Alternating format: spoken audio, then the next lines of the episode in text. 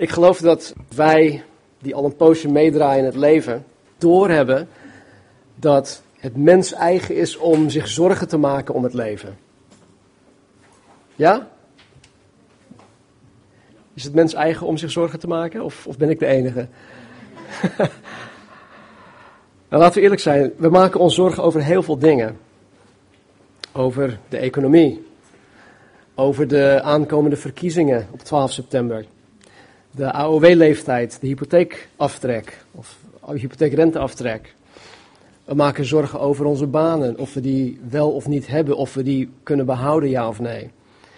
We maken ons zorgen over schulden die we hebben, over vaste lasten die we hebben, over, over uh, ja, of we nou wel of niet genoeg geld zullen hebben voor onze oude dag. Dit zijn slechts ja, een paar voorbeelden van dingen waarover men zich zorgen maakt.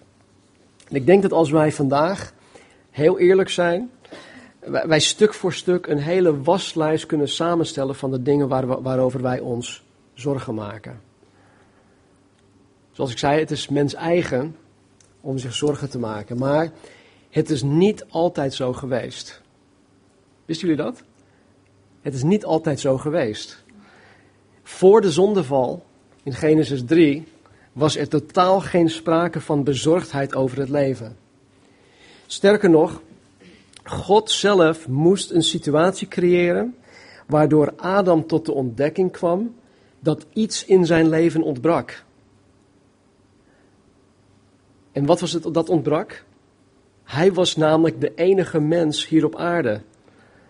In Genesis 2 gaf God Adam de opdracht om alle dieren te benoemen. Jullie kennen dat verhaal.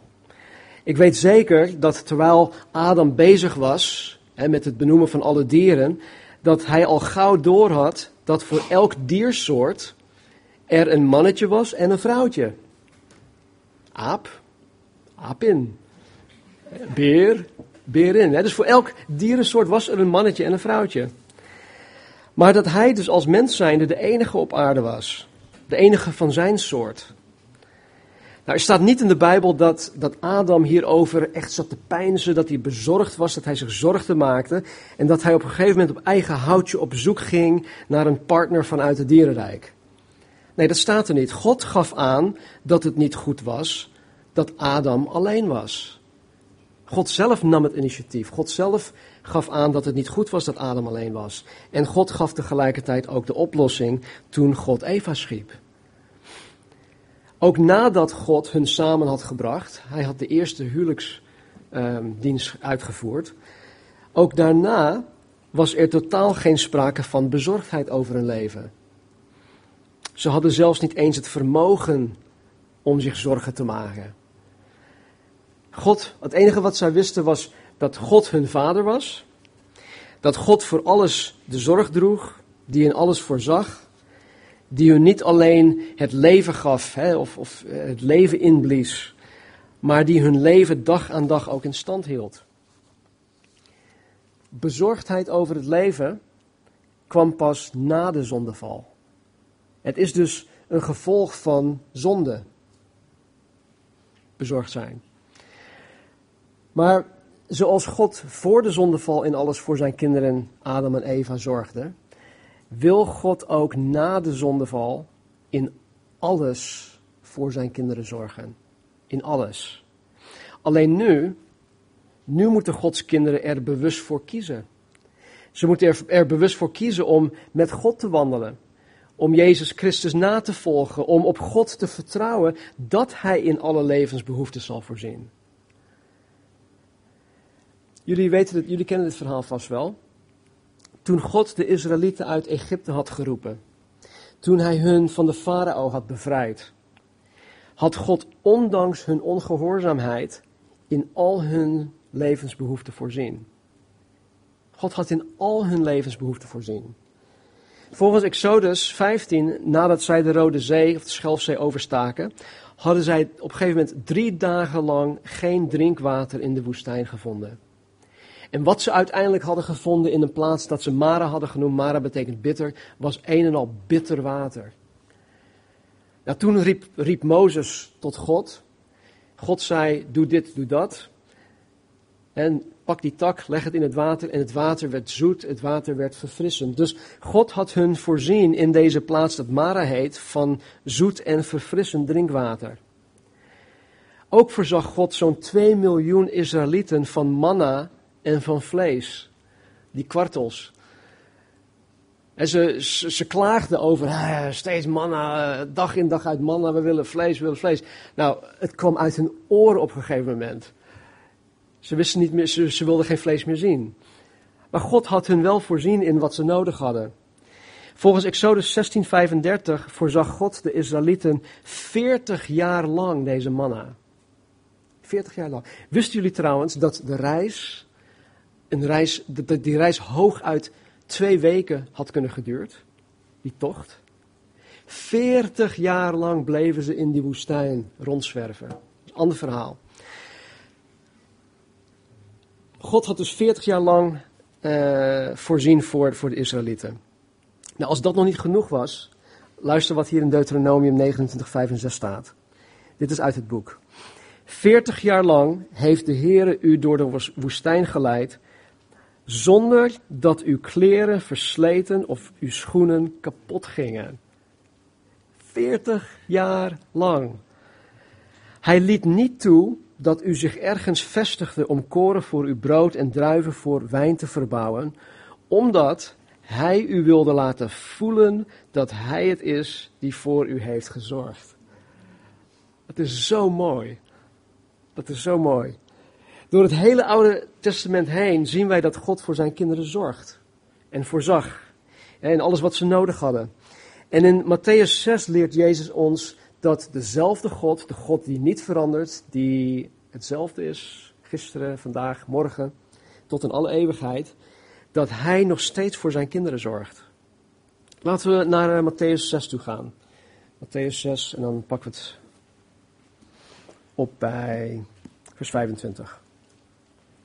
Jezus zegt, daarom zeg ik u, nadat hij gezegd had, u kunt niet God en geld dienen.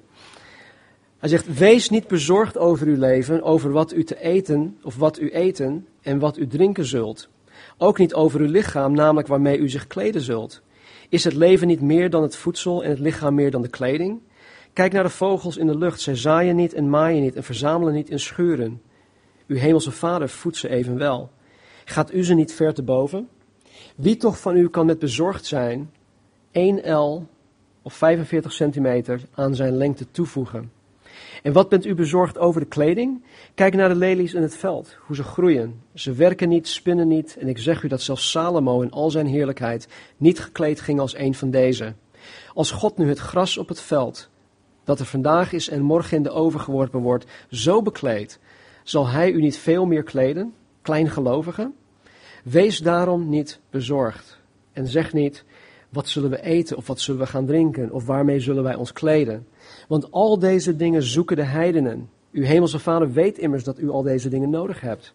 Maar zoek eerst het koninkrijk van God en zijn gerechtigheid en al deze dingen zullen u erbij gegeven worden.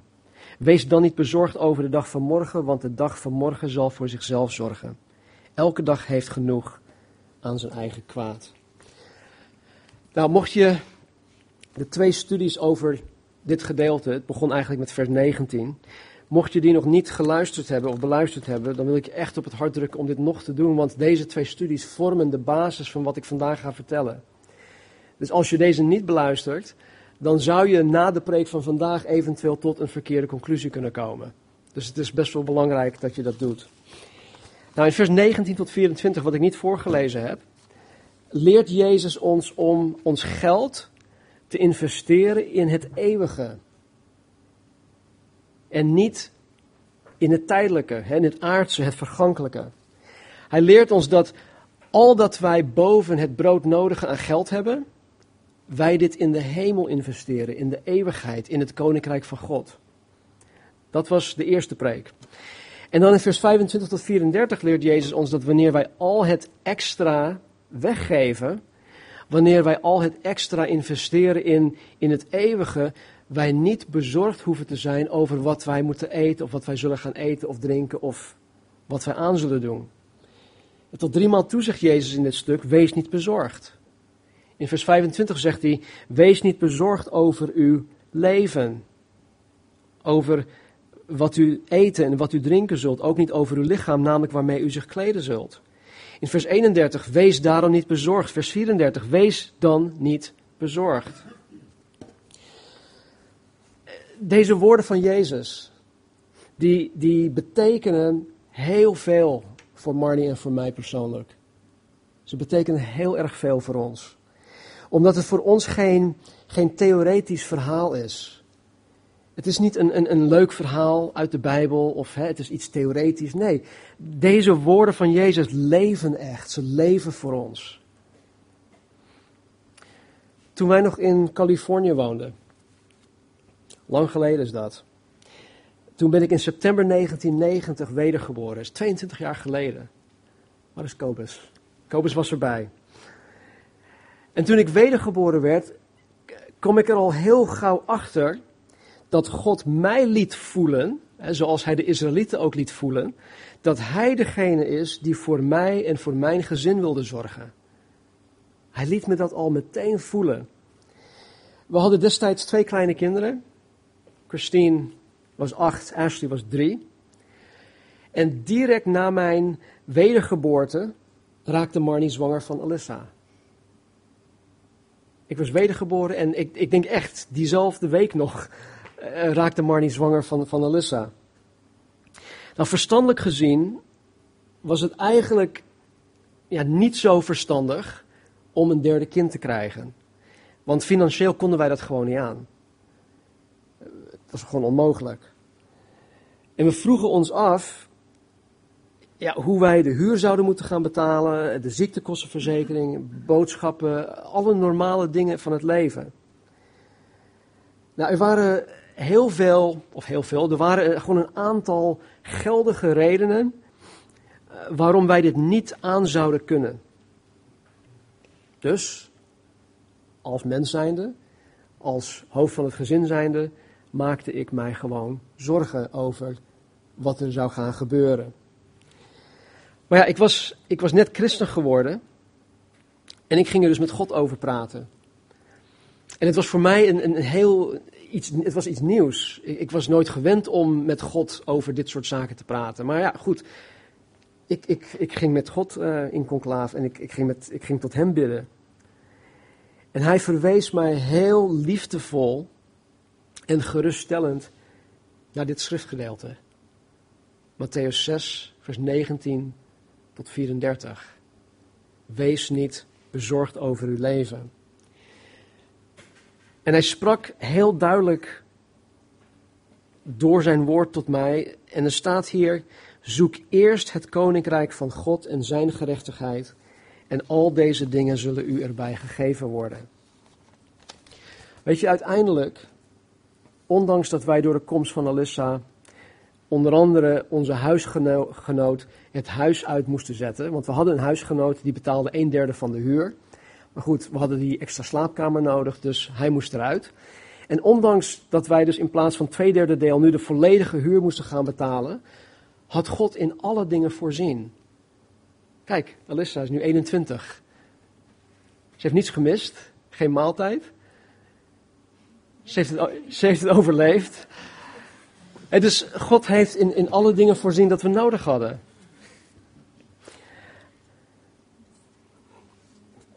Nou, toen Alyssa bijna anderhalf jaar oud was, werd Marnie zwanger van Kendall. En deze keer was de uitdaging nog groter. Niet om Kendall, maar gewoon. Het was nog groter omdat wij, wij zes maanden eerder een, een, een huis hadden gekocht. Nu hadden we ineens te maken met de hypotheek.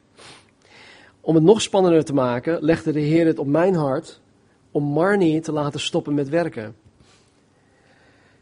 Dus op dat moment hadden we niet alleen een hypotheek dat 50% meer kostte dan onze huur. We kregen onze, ons vierde kind erbij. En wij gingen Marnie's fulltime salaris missen. Wederom verwees God mij naar Matthäus 6, vers 19 tot 34. En wederom zei God tegen mij: Wees niet bezorgd over je leven. Zoek eerst het koninkrijk van God en zijn gerechtigheid. En al deze dingen, dus alles waar je je zorgen over maakt, Stan, al deze dingen zullen u erbij gegeven worden. En Marnie had al heel gauw haar baan opgezegd. Toen ze dat deed, kreeg ze ook binnen no time het aanbod om een aantal uh, kinderen op te gaan passen, fulltime. Dus ja, terwijl ik op mijn werk was, zat Marnie thuis met, um, met een aantal kleintjes. Tegelijkertijd maakte ik promotie op mijn werk. Ik begon ook meer te verdienen. Ik moet wel zeggen dat wij het een en ander moesten inleveren. Um, we moesten kleinere auto rijden. We moesten andere dingen ook, ook inleveren. Maar uiteindelijk had God in al onze noden voorzien. En Marnie kon er vanaf dat moment fulltime zijn voor onze kinderen. En Marnie heeft behalve vorig jaar even een maand of acht voor, de, voor PostNL gewerkt te hebben, heeft ze sinds die tijd nooit meer gewerkt. Althans, niet, ze heeft geen betaald werk gedaan. En dat vind ik nogal bijzonder. Vooral als je naar mijn salaris kijkt, dan is dat best wel bijzonder dat, dat wij eigenlijk zoveel hebben wat hè, dat we hebben. Ondanks dat Marnie dus niet werkt. Nou, rond die tijd werd Gods roeping op mijn leven, op ons leven, om als zendeling naar Nederland toe te komen steeds meer duidelijk. Alleen had ik geen flauw idee hoe, hoe ik dat waar kon maken. We hadden nog geen jaar daarvoor ons huis gekocht. En op dat moment stortte de huizenmarkt ook in. De makelaar die ons het huis had verkocht, die hadden wij gebeld. Die zei van, dit huis zal je nooit verkopen. Dus um, nou, ik, ik probeer het wel, maar goed, ik denk niet dat je gaat verkopen. We hadden geen kerken of zendingsorganisatie achter ons staan die ons als zendeling uh, financieel zou gaan steunen wanneer we hier naartoe zouden komen. We hadden zelf ook geen geld en we hadden zelfs nog een aantal schulden openstaan.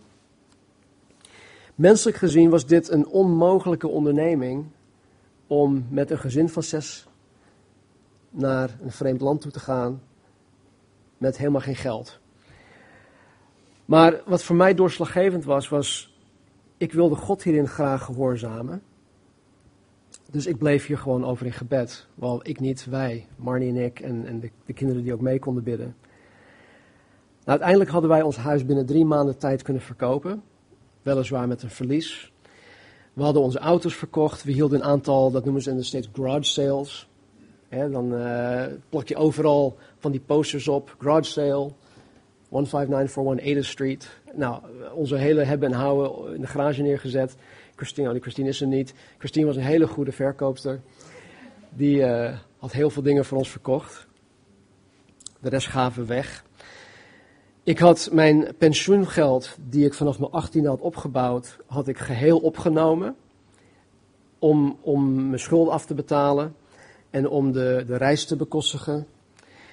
En toen wij op 28 december in 1993 met z'n zessen op Nederlands bodem aankwamen, hadden wij geen woonruimte. Ik had geen baan. We hadden geen bron van inkomen.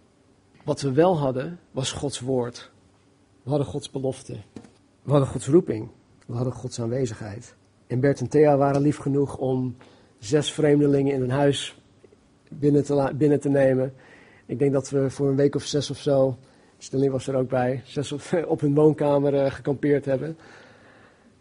En dus God heeft, God heeft door middel van mensen en door middel van, van dingen gewoon voorzien.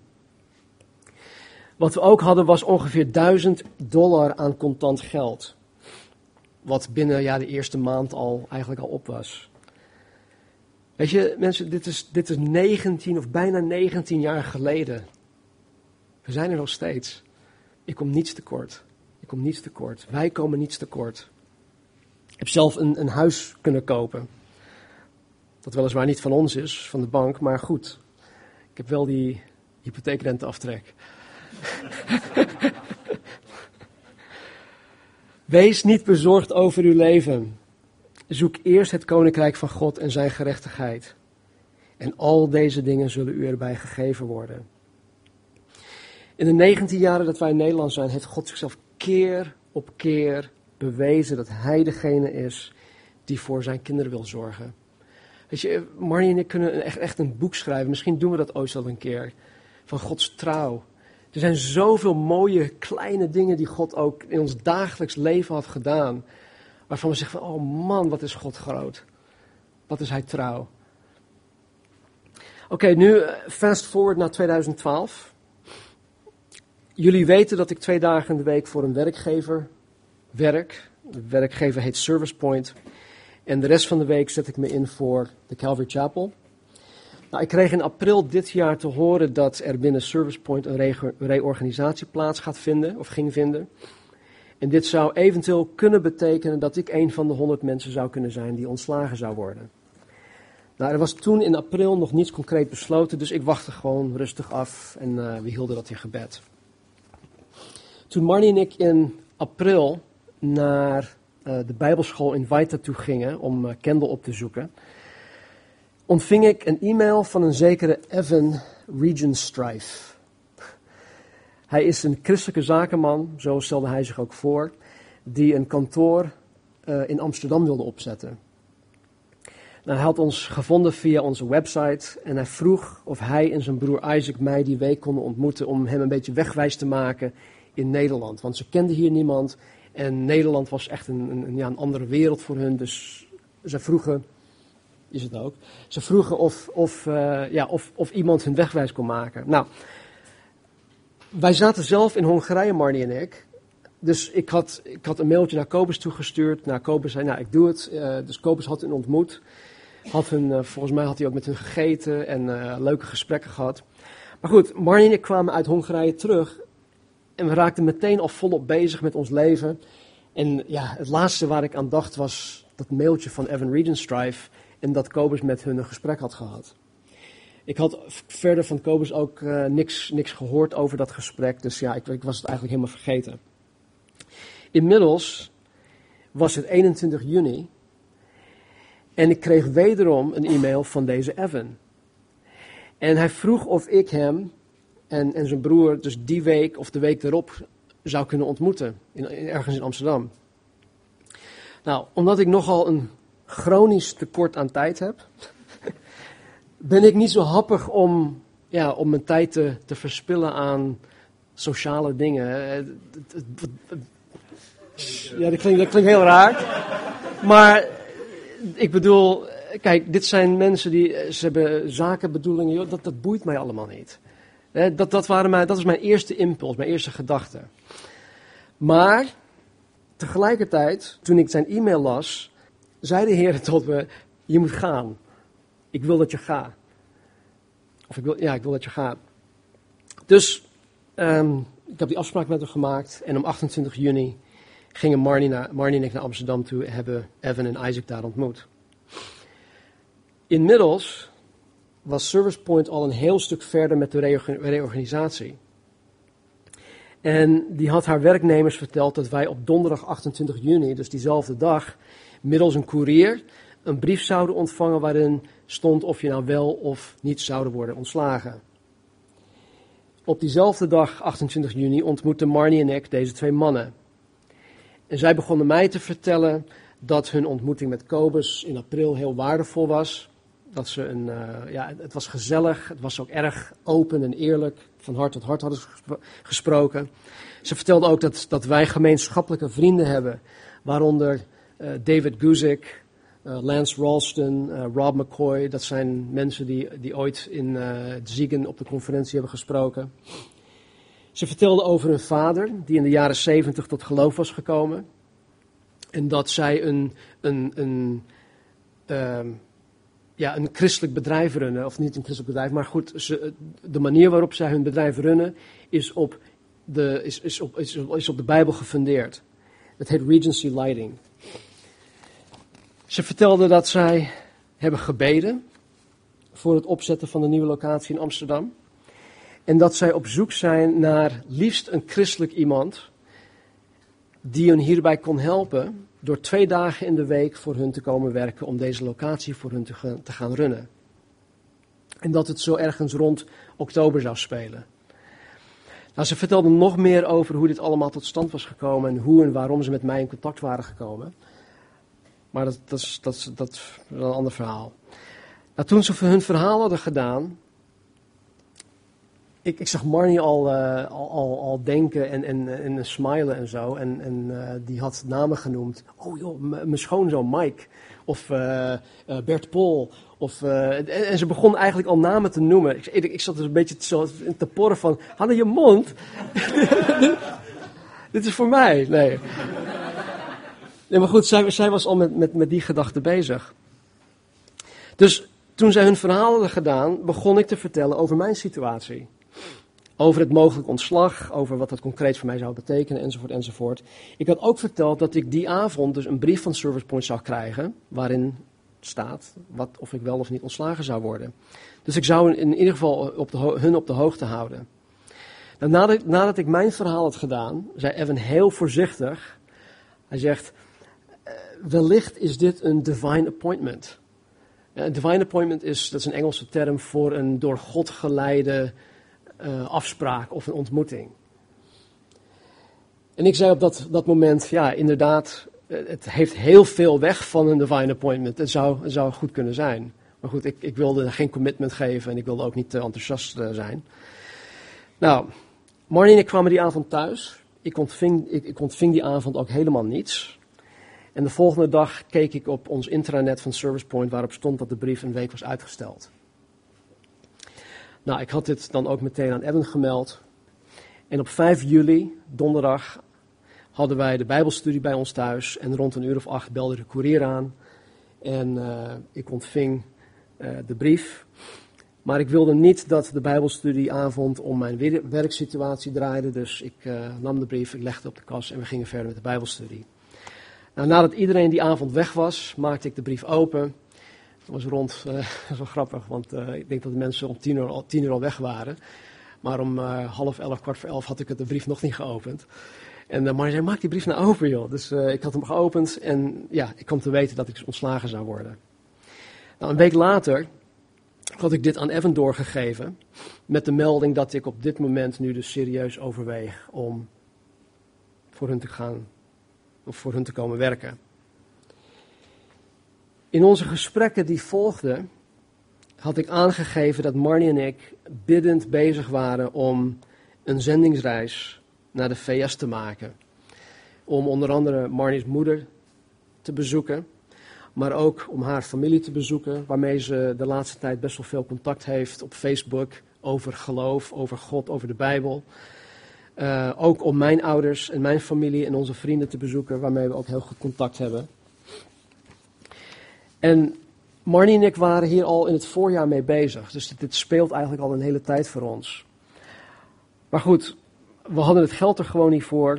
Ook qua timing, um, het, het weg zijn van de gemeente enzovoort, enzovoort. Dat speelde, dat waren allemaal factoren die wij meenamen in, ons, in, ons, in onze gebeden. Nou goed, ik had het bij de mannen neergelegd. En uh, nadat we het afgestemd hadden met elkaar, uh, was de enige obstakel nog het geld. Het kost best wel veel om zo'n reis te kunnen maken. We hadden het geld er niet voor.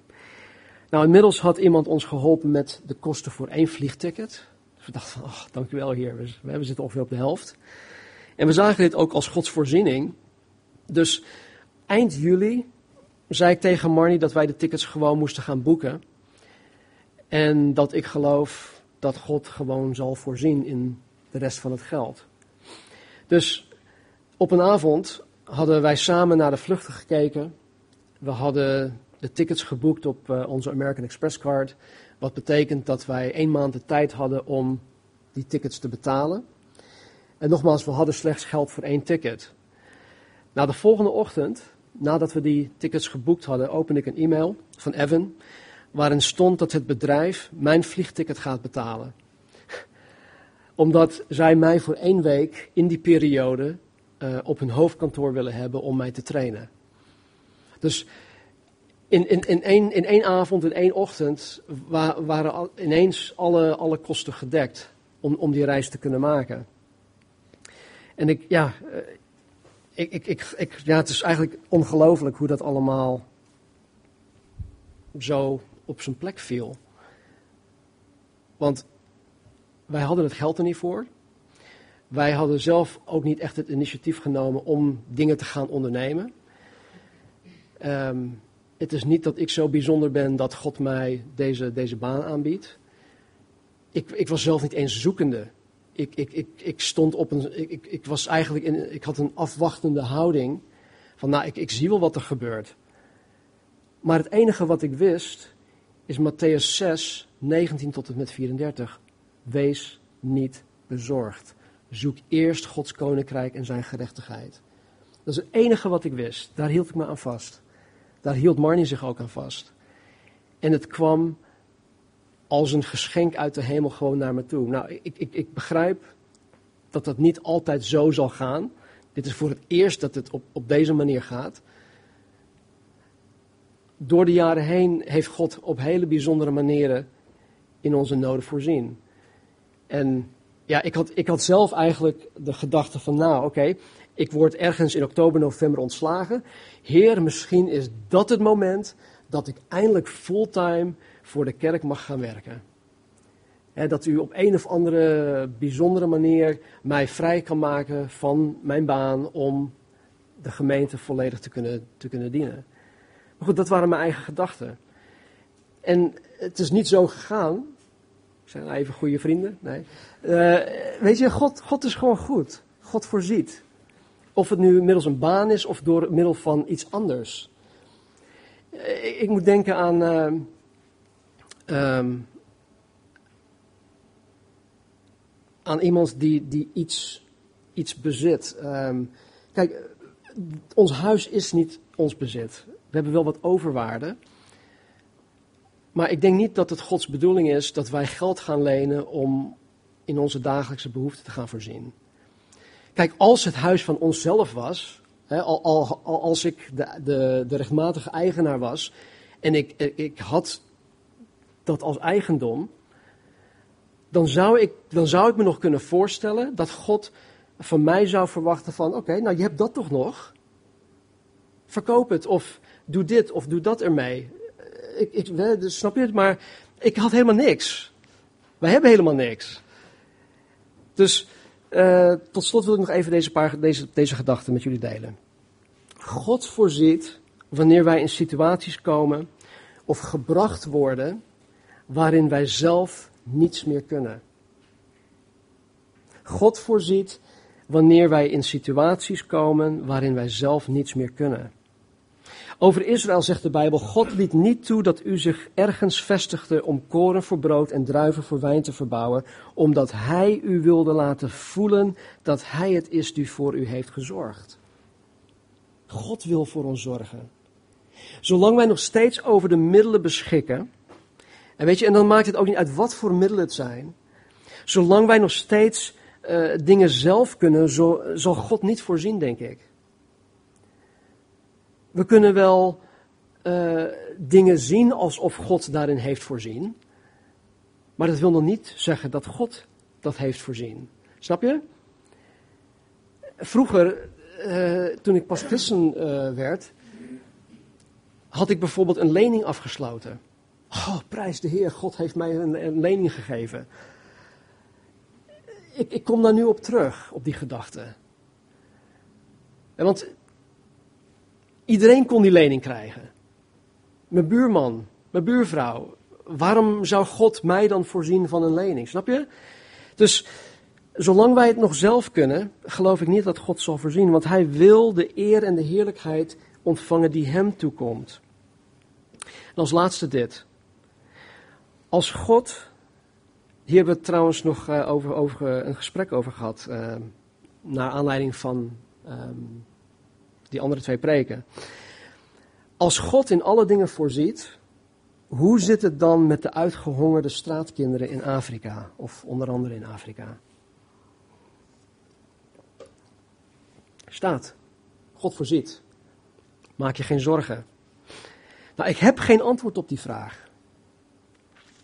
Wat ik wel weet, is dat God zijn discipelen belooft dat wanneer zijn discipelen eerst het koninkrijk van God zoeken en zijn gerechtigheid, God zal voorzien in alles dat ze nodig hebben. Het is zo ontzettend belangrijk dat als je ergens geen antwoord op hebt, dat je terugvalt op wat je wel weet. Als je iets niet weet, val terug op wat je wel weet van God en van de Bijbel. Jezus zegt in Johannes 7:24: Oordeel niet naar de uiterlijke schijn, maar oordeel rechtvaardig. Eh, wij, wij mensen zijn zo ontzettend beperkt in, in, ons, in onze kennis, in, in ons weten, in, in, in, ons, in onze kijk op dingen. Wij zien slechts, ik wil niet even, ik wil niet eens zeggen, eh, praten over procenten, maar misschien promille. Zoveel kennis hebben wij, zoveel inzicht hebben wij. Of zo weinig. Dus oordeel niet naar de uiterlijke schijn, maar oordeel rechtvaardig. Met andere woorden, wij moeten geen conclusies trekken aan de hand van wat wij met onze menselijke ogen kunnen waarnemen. Wij zijn heel beperkt en wij zijn, wij zijn zondig. Wij komen al te vaak tot de verkeerde conclusies. En daarentegen moeten wij naar Gods woord, naar Gods maatstaven oordelen. Gods woord is onfeilbaar. Het is ons ultieme autoriteit. Gods woord is absoluut. En als Gods woord zegt, maak je geen zorgen, wees niet bezorgd. Zoek eerst Gods koninkrijk, zijn gerechtigheid, al deze andere dingen zullen, zullen je gegeven worden. Dan kunnen wij daar 100% op staan. Ongeacht wat er om ons heen gebeurt, ongeacht wat wij met onze ogen of met onze zintuigen waarnemen. Al te vaak kan het erop lijken dat iemand een oprechte navolger van Jezus is, maar die in de werkelijkheid niet eerst het koninkrijk van God en zijn gerechtigheid zoekt. Dat is zo. En als dit soort mensen, zoals bijvoorbeeld de uitgehongerde straatkinderen in Afrika, dan niet in hun dagelijkse levensbehoeften worden voorzien, dan kan ik niet geloven dat het aan God ligt, hoe hard dat ook klinkt. Want denk ook aan alle uitgehongerde kinderen in Afrika, waar God wel voor voorziet. Er, zijn, er is heel veel goed werk van God in Afrika gaande. Waarin God heel veel van de Afrikaanse mensen, de bevolking, waar hij voor zorgt. De mens is niet gemaakt om zich zorgen te maken. De mens is niet gemaakt om zich zorgen te maken over het leven. De mens raakt hiervan overspannen. Stress. Ik las een, een, een artikel een ehm, aantal maanden geleden dat in de Europese Unie iets van 55 of 65 procent van de bevolking in de Europese Unie last heeft, of ja, last heeft van, van overspanning en, en, en stress. En dat er psychische klachten zijn. En dat mensen thuis zitten. De mens is niet gemaakt om zich zorgen te maken over hun leven. Dit is niet Gods bedoeling voor de mens. Het is zeker niet de bedoeling voor zijn kinderen. voor Gods kinderen die Jezus Christus navolgen. Jezus Christus is 2000 jaar geleden naar de aarde toegekomen om ons vergeving van zonde mogelijk te maken. Om ons toegang te geven tot Gods troon der genade, waar wij het vanmorgen ook over hadden om ons de mogelijkheid te geven om Gods kinderen te worden. Kinderen die niet bezorgd hoeven te zijn om hun leven. Als God zo, al, zo ver is gegaan om ons het eeuwig leven te geven door zijn eigen zoon voor ons op te offeren, waarom zou God zijn woord niet nakomen dat hij, on, dat hij voor ons zal zorgen? Weet je, het is een heel makkelijk rekensommetje.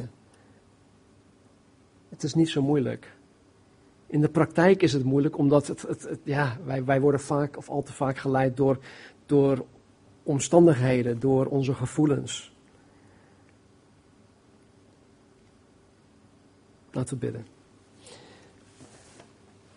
Vader, dank u wel dat u, dat u, u ons woord hebt gegeven. Dank u wel, Heer, dat u uw belofte nakomt. Heer, ik kan me voorstellen dat, dat wij die in hele moeilijke situaties op dit moment zitten. Heren, dat we zoiets hebben van, ja, maar hoe zit dat dan met mij? Fijn, Thomas, dat jij een baan hebt gevonden. Fijn voor jou, Stan, dat jij een baan hebt gevonden. Fijn dat God zo gaaf voor jou zorgt. En mij dan? O Vader, u bent zo begaan met een ieder van ons. Kom, heren, alstublieft, deze mensen tegemoet. Heren, geef hen uw, uw liefde, uw kracht. Sla uw liefdevolle armen om hen heen. Geef hun, Heer, het geloof, het vertrouwen. Dat u Jehovah Jireh bent, de God die ziet, de God die ook voorziet. Heer, deze belofte is alleen weggelegd voor degenen die u navolgen. Deze belofte is alleen weggelegd voor degenen die eerst uw koninkrijk zoeken en uw gerechtigheid. En Heer, ik weet dat wij als mens zijn falen hierin. Heer, ik schiet er dagelijks in tekort. Vergeef mij alstublieft, Vader. Vergeef ons, Heer, dat wij hierin tekort schieten. Maar Heer, geef ons de genade die we zo hard nodig hebben. Geef ons het verlangen om dag aan dag eerst uw koninkrijk te willen zoeken. Uw gerechtigheid. U, Heer, op de eerste plaats te hebben. Van u te houden, God, met heel ons hart, verstand, ziel en kracht. En zelfs wanneer we daarin falen, Vader. Laat uw genade rijkelijk over ons heen komen. Want heren, zelfs al, al zijn wij ontrouw of al, al geloven wij niet, u blijft getrouw. Heer, want u kunt uzelf niet verloochenen. U bent wie u bent en u bent nou eenmaal een getrouwe God. Een trouwe God. Dus Heer, verander ons denken. Laat het tweesnijdend zwaard de maximale effect hebben. Heer, laat ons zien wie u bent. Help ons om dingen los te laten die losgelaten moeten worden. Help ons om dingen in uw hand te leggen en niet weer terug te nemen. Help ons om de juiste stappen te zetten, heren die nodig zijn, te doen wat, wat u van ons verwacht, om gehoorzaam te zijn aan uw woord. Maar heren, vooral om u blindelings, doch op grond van uw woord, gewoon te vertrouwen. Dank u wel, Heer. Dank u wel dat het mogelijk is voor ons om uw kinderen te mogen zijn. Dank u wel ook zo meteen voor het heilige avondmaal die wij tot ons zullen nemen. Zegen uw kerk, Vader. Zegen uw kinderen, Heer. Vervul ons met uw geest. En help ons om u na te volgen. Jezus' naam. Amen.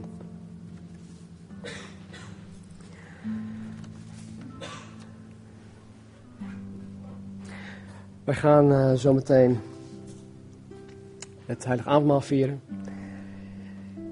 Uh, het worshipteam of het aanbiddingsteam begint met een aantal liederen.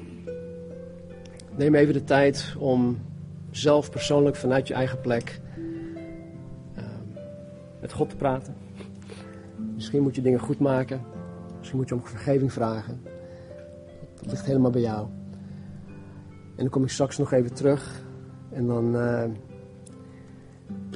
kunnen we gezamenlijk het heilige avondmaal nemen. Maar ik wil jullie wel vragen om naar voren te komen wanneer je er klaar voor bent. Terug naar je plaats te nemen. En dan kom ik naar voren en dan neem ik het gezamenlijk. Ja? Mogen de heren jullie een geweldige, hoopvolle week geven. Niet dat je geen zorgen hoeft te maken in die zin van, nou, ik ga positief beleiden. Ik ga alleen positieve dingen denken. Nee, richt je ogen deze week op God. En Hij zal ervoor zorgen dat Hij voor je zorgt.